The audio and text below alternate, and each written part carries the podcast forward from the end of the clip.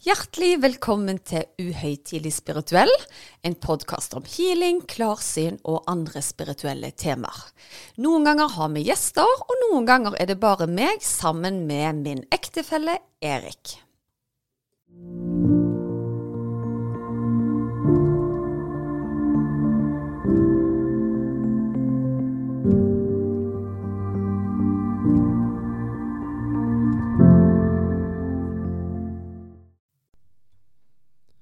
Ja, Susanne, da var vi på igjen. Det var med nok en episode, og det er alltid noe kjekt vi kan ta og snakke om, vet du. Ja, det er sant det. Og for de som følger oss på Facebook, så så de kanskje jeg la ut et lite bilde av meg sjøl med måpende munn.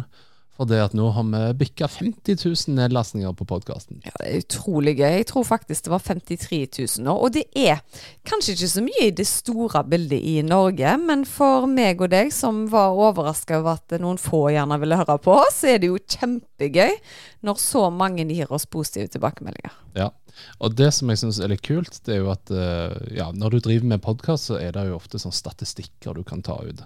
Um, så vi ser jo f.eks. at uh, Norge er jo det største landet som laster det ned. Og så kommer USA på andreplass, faktisk. Og vet du hva som er på tredje? Eh, kan du gjette Sverige. Uh, nei, det er faktisk Tyskland. Oi! Ja. Uh, men det som jeg syns er litt kult, da, det er at i USA er det litt andre muligheter for å se hvor befinner folk seg. Så jeg har zooma ned på hvor er det størst lytterskare i USA. Og det er altså en liten by som heter Council Bluffs i Iowa. Og de må jo være norske, fordi vi snakker jo norsk på podkasten, så jeg tviler på at de sitter med en sånn egen tolk i stua ja. for å få det opp. Jeg måtte jo slå opp dette. her. Jeg syns jo at eh, Council Bluffs var jo ikke en by jeg hadde hørt om fra før. Eh, men det er altså en by med 63 000 innbyggere. Og øh, det som jeg måtte sjekke, da, det er hvordan er det med norsk avstamming liksom i Iowa. da. Ja. Men i 2011 så var 6% av staten, øh, statens befolkning det var faktisk av norsk avstamming. Å, herlighet så kult det hadde vært hvis noen av dere ville, ville tatt kontakt med oss. Ja, så jeg tenker hvis du er fra Council Bluffs, Iowa, eh, så er du veldig velkommen til å ta kontakt med oss på e-mail, Susanne healersusanne.gmail.com. Ja, så har vi veldig lyst til å ta en prat med deg. Og kanskje kommer du på podkasten òg. Det hadde ja, vært veldig gøy. Det òg, men det er helt frivillig, altså. Ja. Vi har i hvert fall veldig lyst til å høre hvem i Amerika er det som hører på oss. Det hadde vært mm, stas. absolutt. Uh, og en annen ting som vi så, det er at en av de mest populære episodene våre, det er uh, hvordan bli spirituell. Ja, og det, det, forstår jeg, fordi det er jo et spørsmål mange stiller seg. Eh, mange har lyst til å oppleve ting.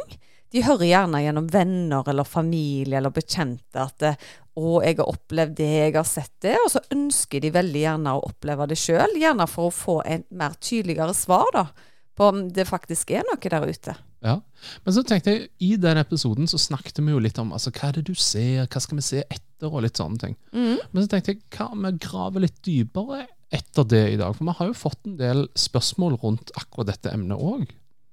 Helt klart. Ja. Det syns jeg er en god idé. Så skal jeg i hvert fall svare så godt jeg kan. Selv om jeg ikke har patent på hvete her, så har jeg i hvert fall en del erfaringer. Ja.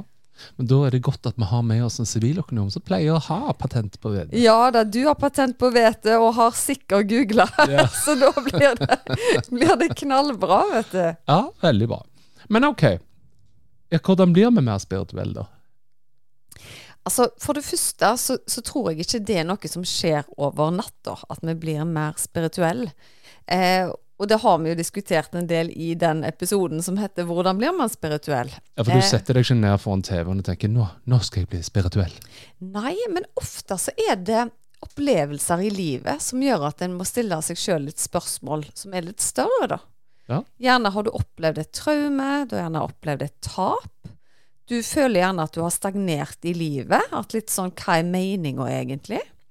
At vi da gjerne søker litt mer innover i oss sjøl enn utover. Ja. Eh, og det var jo det som gjerne skjedde med meg uten at jeg var klar over det. Jeg ble jo litt sånn spirituell over natten i en tid hvor egentlig ting gikk i full guffe. Så og ikke hadde jeg noen traumatiske opplevelser heller, sånn sett. Eh, men jeg jagde veldig dette med karriere. Det var veldig viktig for meg, fordi jeg hadde satt det på pidestallen veldig tidlig i livet. da. At for at jeg skulle bli su suksessfulle, så skulle jeg gjøre det veldig bra karrieremessig. Jeg måtte gjøre det godt på skolen, og jeg måtte finne en jobb som ga meg prestisje. da. Det var veldig viktig. Men da tenker jeg at du på en måte manifesterer det du vil ha, i den kjente verden. Altså det som måles i uh, Ja, det var jo det jeg verden. gjorde da. Ja. Og jeg satte meg jo aldri ned og tenkte at nå skal jeg finne ut meninga med livet, eller nå skal jeg få kontakt med noe som ikke er der. Men det ble jo veldig kasta på meg, da. Og det snakket jeg om i den aller første episoden av podkasten. At uh, jeg ble på en måte tvunget inn i en form for meditasjon eller tilstand. Og så ble jeg introdusert for den eh, krafta. Og etter det så endra jo hele livet mitt seg, da. Men det var jo en helt sånn vanvittig eksplosjon av følelser i kroppen. Og hadde jeg jaga den hver eneste dag, så kunne jeg bare lagt ned businessen med en gang. Fordi jeg tror i en sånn situasjon så må det litt mer kraftfulle elementer til for at du skal forstå at det nå skjer det noe. Mm. Eh, men etter hvert så kan det være så enkelt at jeg lukker øynene og ser en lilla farge. Eller jeg ser ei fjør i det jeg tenker på pappa. Så tolker jeg det som at han gir meg et tegn på at vet du hva, det var ikke bare innbilning at du tenkte på meg akkurat nå. Det var ikke en tilfeldighet. Jeg er her. Og så kan du ha en nabo som sier at ja, men det var jo helt tilfeldig at den fjøra var der. Men da kan jeg si ja, men så tenkte ikke du på faren min heller. Nei, ikke sant. Sant? Så, så jeg tror du må bare være åpen, og du må være årvåken for de signalene som den andre sida bruker, fordi de vil veldig gjerne kommunisere med deg. De har et behov for å gi deg en indikasjon på at de er der for å støtte deg, da. Men det jeg tenker som eh, ellers i verden òg, at eh, si hvis jeg går på teateret, Mm. og så tenker jeg jeg, skulle, jeg kan stå på den scenen. Ja. Og sånn tenker jeg litt med liksom dette med det å ha evner òg. Så tenker jeg liksom Ja, men du kan jo heale og alt det der, da, så jeg setter liksom listen der, da. Men jeg tenker ikke på alle de årene med på en måte erfaringer du har for å komme på, la oss kalle det scenen, da. Mm. Um, og der tror jeg kanskje at det beste tipset for folk da, det er jo gjerne å begynne litt i det små, da, og se etter de små signalene. Helt klart, og alt er en treningssak, altså.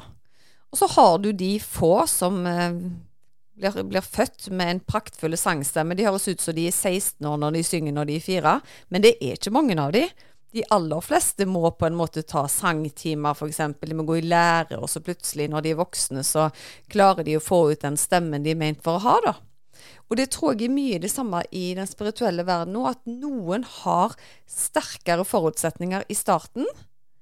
Men det betyr ikke at de er de eneste med forutsetningene for å utvikle sin spiritualitet. da. De har gjerne bare et klarere utgangspunkt. Ja. Men så får vi jo ofte det spørsmålet hva skal jeg se etter? Og det syns jeg er egentlig ganske interessant. For det at når vi snakker om liksom dette å være synsk eller å være medium, så på engelsk så har de ordet clairvoyant. Mm. Og det handler jo om å se. Mm. Men jeg opplever vel at signalene kommer ikke nødvendigvis som det visuelle, gjør det det? Nei, og det er jo et uttrykk jeg bruker mye, det å være klarsynt. Det er fordi at det er et begrep folk forstår. Og veldig mange spør meg jo hva ser du? Og da svarer jeg på det, hva jeg ser. Men jeg ser lite bilder inni hodet mitt. Jeg får mer beskjeder. Eh, det er akkurat som at jeg har hatt en samtale med din beste venn før du kommer til time til meg, som forteller meg litt om deg som person og dine utfordringer. Og det er ikke en sånn en stemme som på en måte snakker inn øret til meg. Nå kommer Anne. Hun sliter med bla, bla, bla. Men det er bare noe jeg vet. Jeg vet hvorfor hun kommer. Jeg vet hva plager hun har. Eksempelvis. Og det er visst et eget navn på det. Det husker jeg ikke i farten, men det er visst et egen definisjon på det, altså. Ja, siden vi er inne på dette at det er en definisjon, så har jeg faktisk googla og funnet definisjonen. Ja, du har det. Ja, ja, Jeg selvfølgelig. vet bare, jeg husker ikke helt hva det var. Men det er godt at du har gjort det, da. Ja. Nei, men klarviten, uh, clair cognizance Ok. Mm. Altså, Definisjonen er denne typen eh, intuisjonsopplevelse er det ganske vanlig å ha hatt i løpet av livet. Ordet betyr altså klarviten eller klarvisst. og er den opplevelsen som skjer når du bare vet noe. Eh, og du kan ikke redegjøre for liksom, hvorfor eller hvordan, men det fremstår som konkret og som en klar kunnskap at dette er noe du bare vet. Mm. Og det er jo sånt jeg jobber. Jeg aner egentlig ikke hvor informasjonen kommer fra, men det er der bare. Det ligger der liksom bare lagra på et eller annet vis, da. Men jeg har jo òg elementer av f.eks. klarlukt av og til. Det vil si at når jeg behandler klienter, så kan jeg kjenne kanskje en parfymelukt eller blomsterlukt. Eller, men det som er løgnest, er jo det at det er ofte klientene mine som kjenner ulike lukter når jeg jobber. Så det er jeg som sier at jeg lukter bl.a. kanelboller. Noen sier at jeg lukter som ei blomstereng. Og jeg har masse forskjellige krydder de sier. Eh, men jeg lukter jo det samme hver dag, og det lukter det samme inne på kontoret mitt. Men det er opplevelsen de har rundt healingen, da. Ja, og det er litt uh, kult. For det at vi har jo nevnt det før i podkasten òg, men jeg uh, liker jo Altså, coachene bruker jo gjerne NLP ja. som verktøy, og det er altså nevrolinguistisk Persuasion. Uh, og kort fortalt så er det uh, tre måter å uttrykke seg på som de ser etter. da. Det er den visuelle, uh, den kognitive, altså den som hører, og den som føler. Mm. og det som vi snakket om for en tid tilbake, det var jo det at jeg kunne se et bilde i en bok på skolen, og så kan jeg bare huske hva læreren fortalte om det bildet, eller det som sto rundt bildet fordi at den grafen viste hva det sto. Mm. Mens du, du kunne lukke ørene i en forelesning og bare ta, ta inn over deg alt som ble sagt. Ja, ikke lukke ørene, men øynene. Ja, selvfølgelig. Eh, for, for det, da hadde jeg ikke fått med meg så mye. Men ja, altså gir du meg en graf, så får jo jeg rullegardiner med en gang. Men hvis noen har sagt noe, så har jeg mye lettere for å få knagger på det. Så egentlig, når du sier det sånn, så forstår jeg jo hvorfor jeg er dette som heter Hva var det du kalte det? Klartenkt? Nei, Klarviten. klarviten. At jeg bare vet det. Fordi det er jo bare noe som blir implementert i hodet mitt. Og det er kanskje derfor jeg har gjort det godt på eksamener hvor jeg ikke har lest henne. Jeg bare vet svar. vet Ja. svarene. Men så må jeg bare si for de som lurer på hva er den følelsesmessige som er den siste der, da. Og et eksempel på det er tanten min, da, som eh, de var i Italia. Uh, og hun uh, Fetterne mine de tok masse bilder, uh, mens hun fikk ikke tid til å ta av seg sokkene og gå, i strand, gå på stranden og kjenne sanden mellom tærne. Mm. Så hun var mer en føler. Eh, og jeg tenker det at kanskje likheten her i forhold til dette med å, å trene eh, sin spirituelle side, da, er jo nettopp å prøve å finne ut av hva type er jeg. Mm. For mest sannsynligvis, så hvis jeg tenker for min del, som da er en visuell person, så vil jeg jo lete etter de visuelle tegnene fra den andre siden, for å si det sånn. Ja, helt klart. Ehm, og jeg har liksom aldri fundert over det, egentlig. Hvorfor jeg ikke ser ting så mye i bilder, da. Men jeg ser jo ting fysisk. Sånn som i dag så hadde jeg jo en nydelig dame på telefonen. Og det første som slo meg, at hun er på en enorm spirituell reise. Og så sitter jeg da inne på kontoret mitt, det er ikke ei pute der engang som har fjør. Og plutselig så danser det ned ei hvit fjør foran meg. Og da bare kjente jeg frysningene på hele kroppen, og bare visste at aha, hun har en ganske sterk, litt sånn engelaktig guide rundt seg. Men da fikk jo jeg veldig visuelt tegn igjen, da. Ja. Fysisk i, i rommet. Og hun kjente det jo godt på kroppen, hun, når vi, når vi snakket sammen om det. Ja, nei, det er sant det. Og så tenker jeg liksom, hvis du drar den litt videre, tenk deg da at du har identifisert gjerne hva person du er, du prøver liksom å se etter tegn i forhold til disse knaggene. Eh, Men så tenker jeg, kanskje du må omgi deg med litt folk som gjerne er litt åpne for dette òg, sånn at du kan ha litt samtaler sånn som vi har nå, rundt emnet. da. Ja, eh, jeg tror nok det er viktig. Og i min prosess så hadde jeg noen få som jeg kunne snakke med og om, med de tingene jeg opplevde, da. Eh, men det er jo ikke enkelt hvis det er et tema som aldri blir tatt opp i dine kretser til vanlig. Så jeg, jeg forstår at det er ikke bare bare, altså. Ja. Men derfor er det godt at vi har denne podkasten hvor vi kan dele litt erfaringer der. For det er kanskje flere rundt deg som deler de samme tankene det- enn det du tror på forhånd, da. Ja. Og jeg vil egentlig dra fram hun Sissel Grana som vi hadde med dyretolking. For hun sa jo egentlig det at meningen med livet er gode relasjoner. Og hvis du velger mennesker som bygger deg opp rundt deg, så kan du komme i en slags flytsone sammen. Tenk deg et fotballag så går det stang inn istedenfor stang ut hele Mm. tiden. sant? Um, og gjerne at eh, du må jobbe for noe, ikke mot noe. Mm. Og det tenker jeg er liksom en fin tanke i forhold til den spirituelle utviklingen òg. At du tenker liksom Nei, nå må jeg stenge ute alt. Må stenge ute eh, alt uh, i hverdagen fordi at alt er så mas og sjas. Fremfor å fokusere på Nei, vet du hva, nå skal jeg bare være fysisk til stede. Og så skal jeg konsentrere meg over de tegnene jeg ser. Det har jo veldig mye med positive vibrasjoner generelt sett. Altså, jeg tror de aller fleste har en eller annen person i livet sitt som har en tendens til å snakke i et sånn negativt leie, da. Ja. Og da blir vi litt drenerte. De kan egentlig fortelle om en hyggelig ferietur, kanskje, men samtidig så klarer de å formidle den på en sånn måte at det hørtes ikke gøy ut engang, fordi de fokuserte på at hotellputa var hard, eller eh, litt grann av sånt. Og jeg tenker på i forhold til spiritualitet, så er det viktig å henge knagger på de små positive tingene du opplever først. Istedenfor å være skuffa over det store bildet. At 'Hvorfor ser ikke jeg så mye som hun ser?' Eller 'Hvorfor opplever ikke jeg så mye?' For det vil komme. Prøv bare å være takknemlige for de små tegnene du får da i første omgang, og så bygger du videre på det. Mm. Ja. Ellers så får vi jo en del e-poster òg.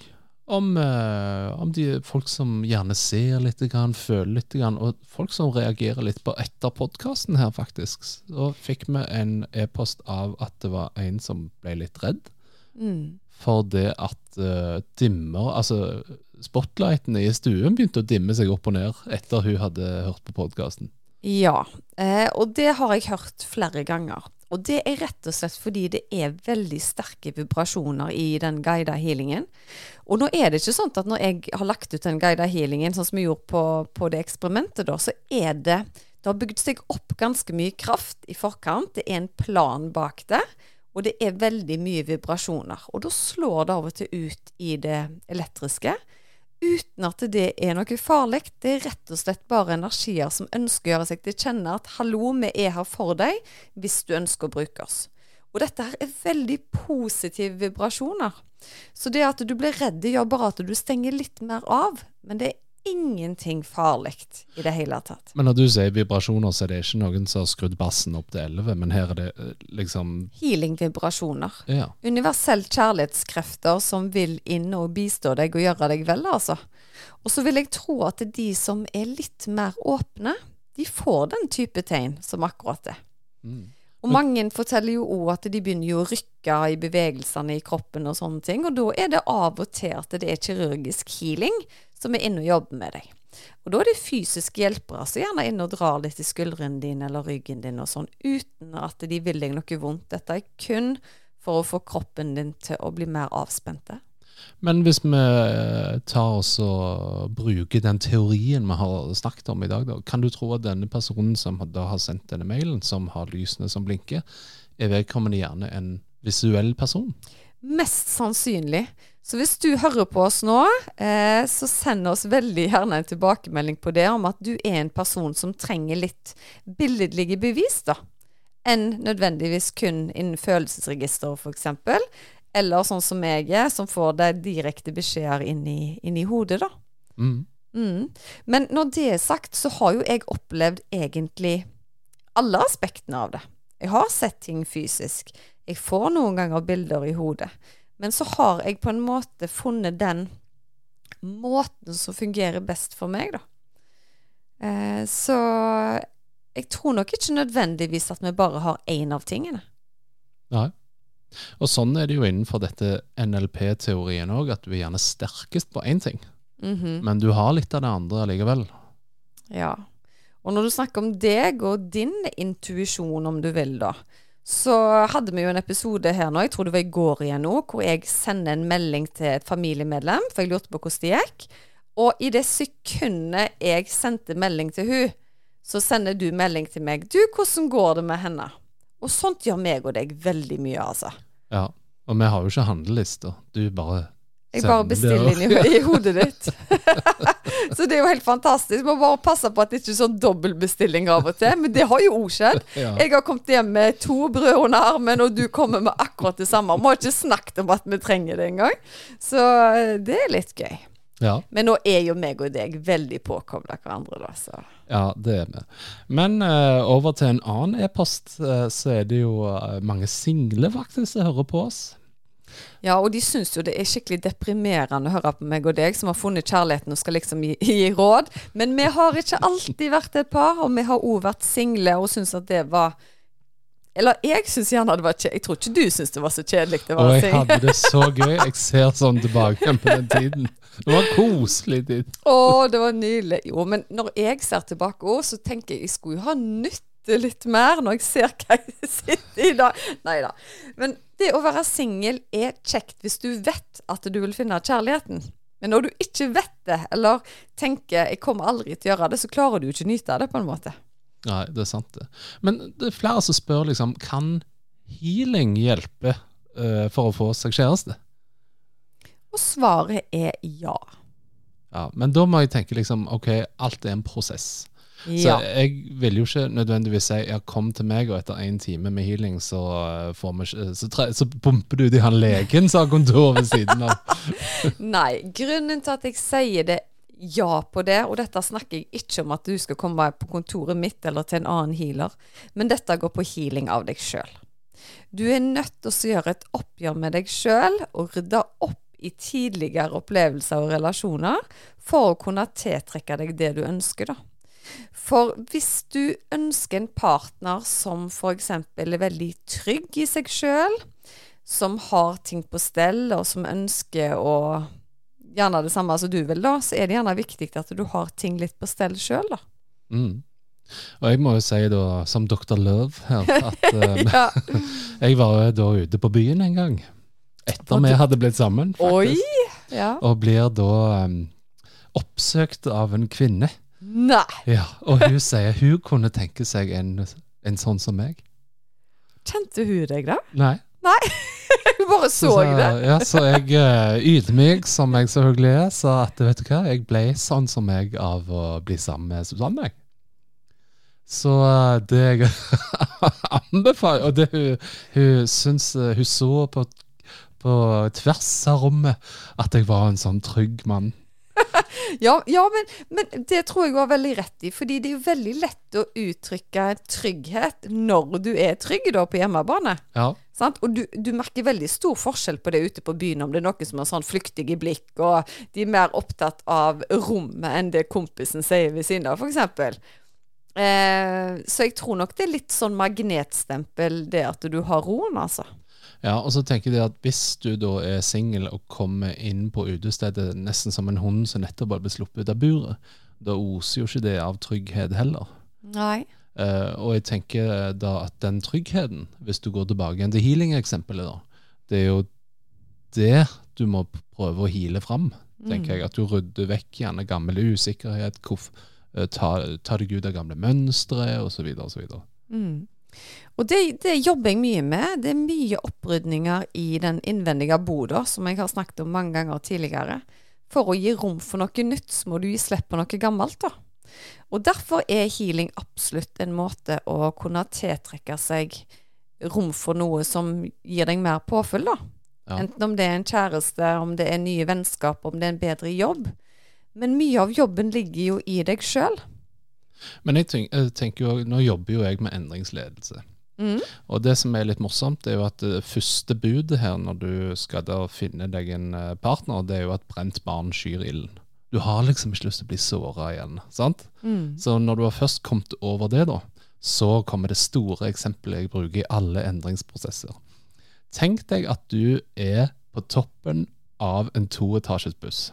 Det er en sånn kabrioletbuss, vet du, sånn sightseeing. Ja. Der er hele livet ditt nå.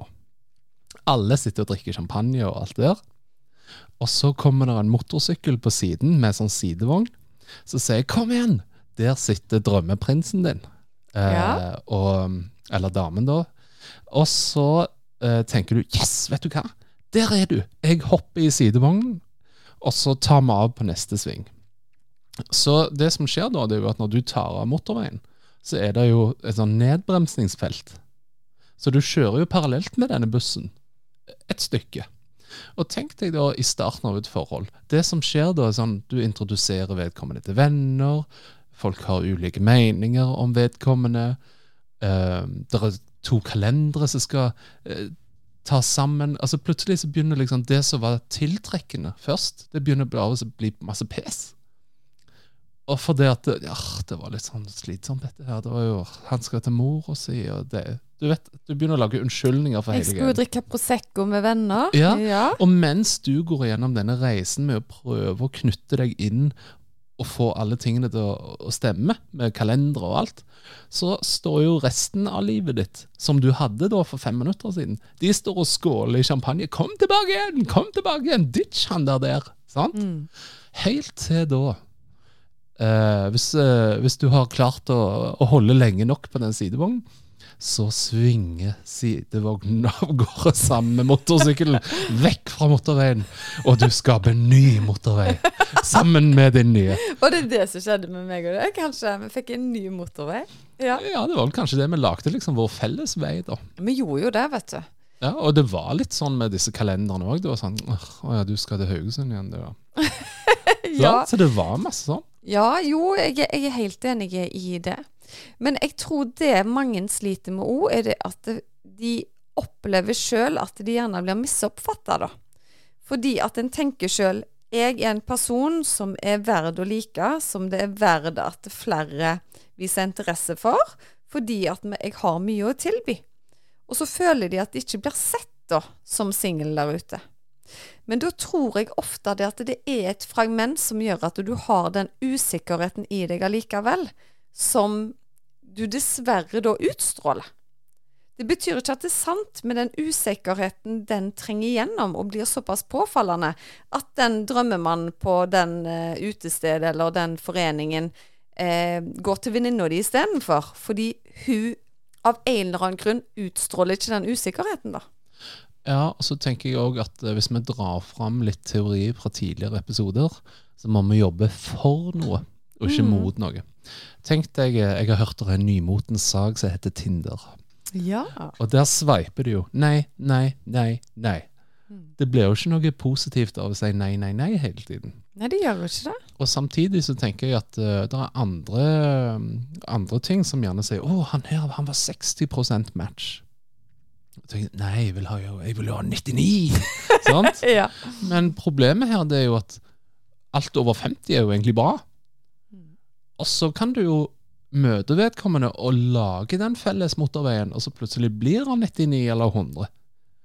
Og det er jeg så enig i, fordi det var jo ikke sånn at jeg følte at du var min perfect match første gang vi møttes heller. Vi var jo på vidt forskjellige veier akkurat da, men du blei det etter hvert. Så hadde jeg eh, møtt deg på Tinder, så hadde jeg kanskje Jeg tror jeg hadde sveipa fordi du ser så flott ut. Men hadde vi hatt en date og to, så hadde jeg kanskje tenkt at han er jo ikke klar for det jeg vil ha. sant? Nei. Men så ble du jo det etter hvert allikevel. Så jeg tror mye handler om åpenhet. Det handler om utvikling. Og det handler om å ha en kjøreplan som begge to kan følge, da. For vil du på en måte ting i forskjellig tempo, så gjør det ting automatisk vanskeligere, da. Ja. Nei, det er sant, det. Mm. Ja. Så tipset til hun som er singel og syns det er trist, har du en liten oppsummering til henne, Erik? Ja, jeg tenker hvis vi går tilbake til det spirituelle, da, eh, så vil jeg jo si det at eh, jeg ville nå blitt eh, Lært meg sjøl til å sette pris på meg sjøl først, sånn at du vet hva du har å tilby den andre. Mm. At, uh, si da at uh, Si hvis du ikke har det så godt med seg sjøl Nå vet ikke jeg hva vedkommende som skrev uh, her, men si da at du Så tror ikke jeg at løsningen er et forhold. Jeg tror du må finne en ro og en indre glede som du vet at Yes, jeg har det så godt med meg sjøl, og det kan jeg gjerne nå, Jeg er kaken. Nå kan jeg finne kakefyllet. Mm. Men det blir ikke noe kake av masse mixed ingredients. Nei, nei, jeg ser absolutt den. Og så tror jeg det å ha tillit til at universet vil deg vel. at den dagen du er på plass, så vil den rette komme til riktig tid, da. Eh, og jeg tror det var når jeg skjønte det, at ting begynte å manifestere seg mer for meg. For det var lenge jeg var på søken, og jakta gjerne noe som ikke nødvendigvis var til mitt beste, da. Så når jeg satte meg sjøl og mine ønsker litt til side Og nå snakker jeg ikke om å gi opp manifesteringer og, og på en måte eh, sette en plan for hva du vil ha i livet ditt. Men når jeg skapte en ro i meg sjøl, at eh, jeg er verdifull, og på sikt vil den rette komme, så gjorde det det langt enklere, i hvert fall. Ja, Og for en premie! Ja. for en premie! For en premie jeg fikk. Men når det er sagt, hvis vi snakker litt mer om på det generelle igjen, om spirituelle tegn, så er det ett tegn jeg vil snakke litt mer om, som er virkelig undervurdert. Og det bruker jeg hver dag. Og det er et tegn som alle før eller siden har kjent på kroppen. Du må bare lære å utnytte det mer. Og det er de berømte frysningene. Når du hører på en fantastisk lekker låt, så kan du kjenne det chills gjennom kroppen. Og jeg bruker mye frysninger som en bekreftelse. At hvis noen stiller meg et spørsmål, f.eks. Jeg tror jeg hadde kontakt med bestemor. Hvis jeg ikke kjenner noen ting i hele kroppen, så tenker jeg hm, du hadde sikkert kontakt med noen, men jeg tror ikke det var bestemor. Men hvis jeg da får en sånn vibrasjon av frysninger i kroppen, så vet jeg med en gang at det, det stemmer. Så det er absolutt noe dere kan leke litt med. Stille spørsmål til seg sjøl. Gi meg frysninger om dette stemmer. Det går kanskje ikke på første gang og andre gang, men etter hvert så blir det en eh, innertier, altså. Det er en ja. veldig god bekreftelse. Nå sparer jo alle på strømmen, så alle sitter jo og fryser.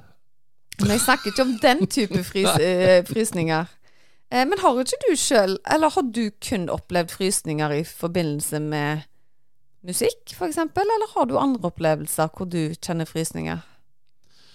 Uh, jeg har det veldig med mestringsfølelse. Da får jeg frysninger. Fantastisk. Uh, så jeg merker jo det at uh, spesielt i jobbsetting, eller når det gjelder idrett, at du har satt deg sånn mål, så merker jeg at uh, jeg gjerne får frysninger når jeg har oppnådd de målene. Eller at kroppen på en måte forteller at du, nå har du vært flink, nå skal du ta og klappe deg sjøl på skulderen. Der ser du, men det, det, er jo akkurat det jeg snakker om. Det er en bekreftelse, sant? Ja. Men om det er du sjøl sier deg den bekreftelsen, eller om det er mormor fra den andre side som sier 'well done you', det vet du jo ikke.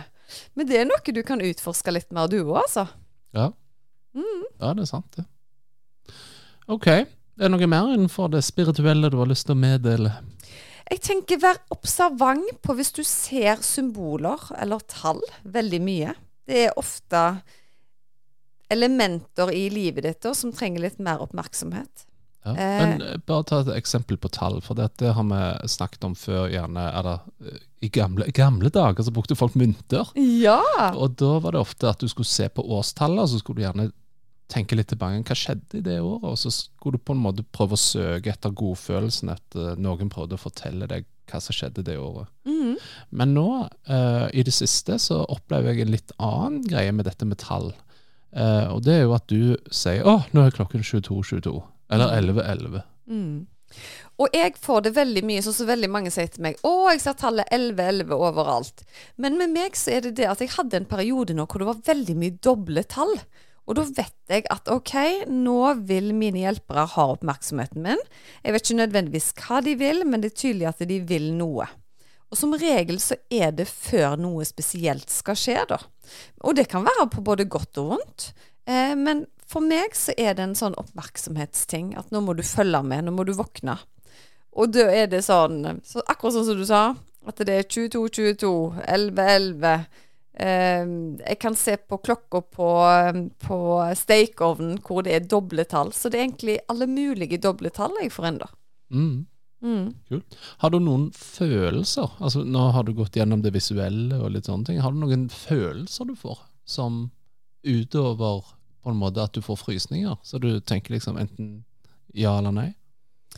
Eh, nå vet jeg ikke om jeg helt forsto spørsmålet ditt. Nei, men tilbake til denne NLP-en. vet du. Ja. Så var det jo visuelle, så har du jo sett tall, du har gjerne hørt ting.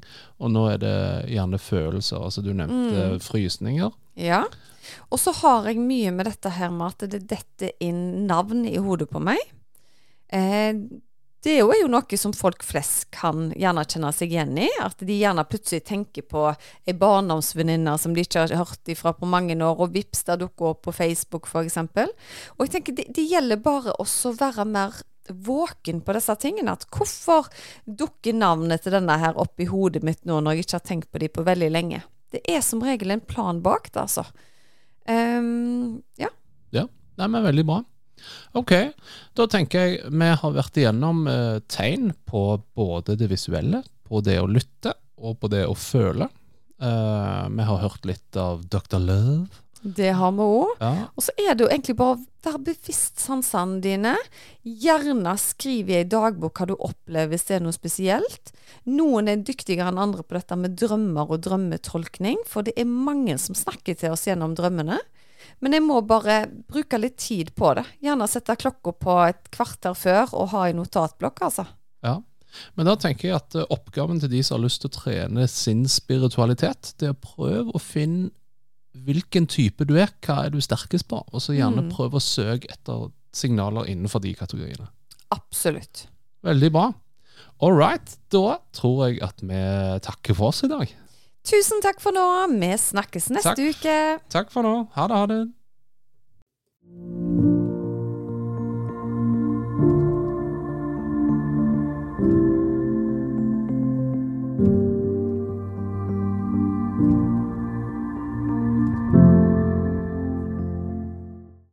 Visste du at du kunne ta kontakt med meg hvis du ønsker å få satt opp en personlig healingplan? Da er det bare å kontakte meg via Instagram eller på e-post, så gjør jeg det helt kostnadsfritt. Da er det mye lettere å vite hvilken healing du skal velge, til hva tid du skal bruke den, og for hvor mange uker du bør benytte deg av deg. Gå inn på healersusanne.com.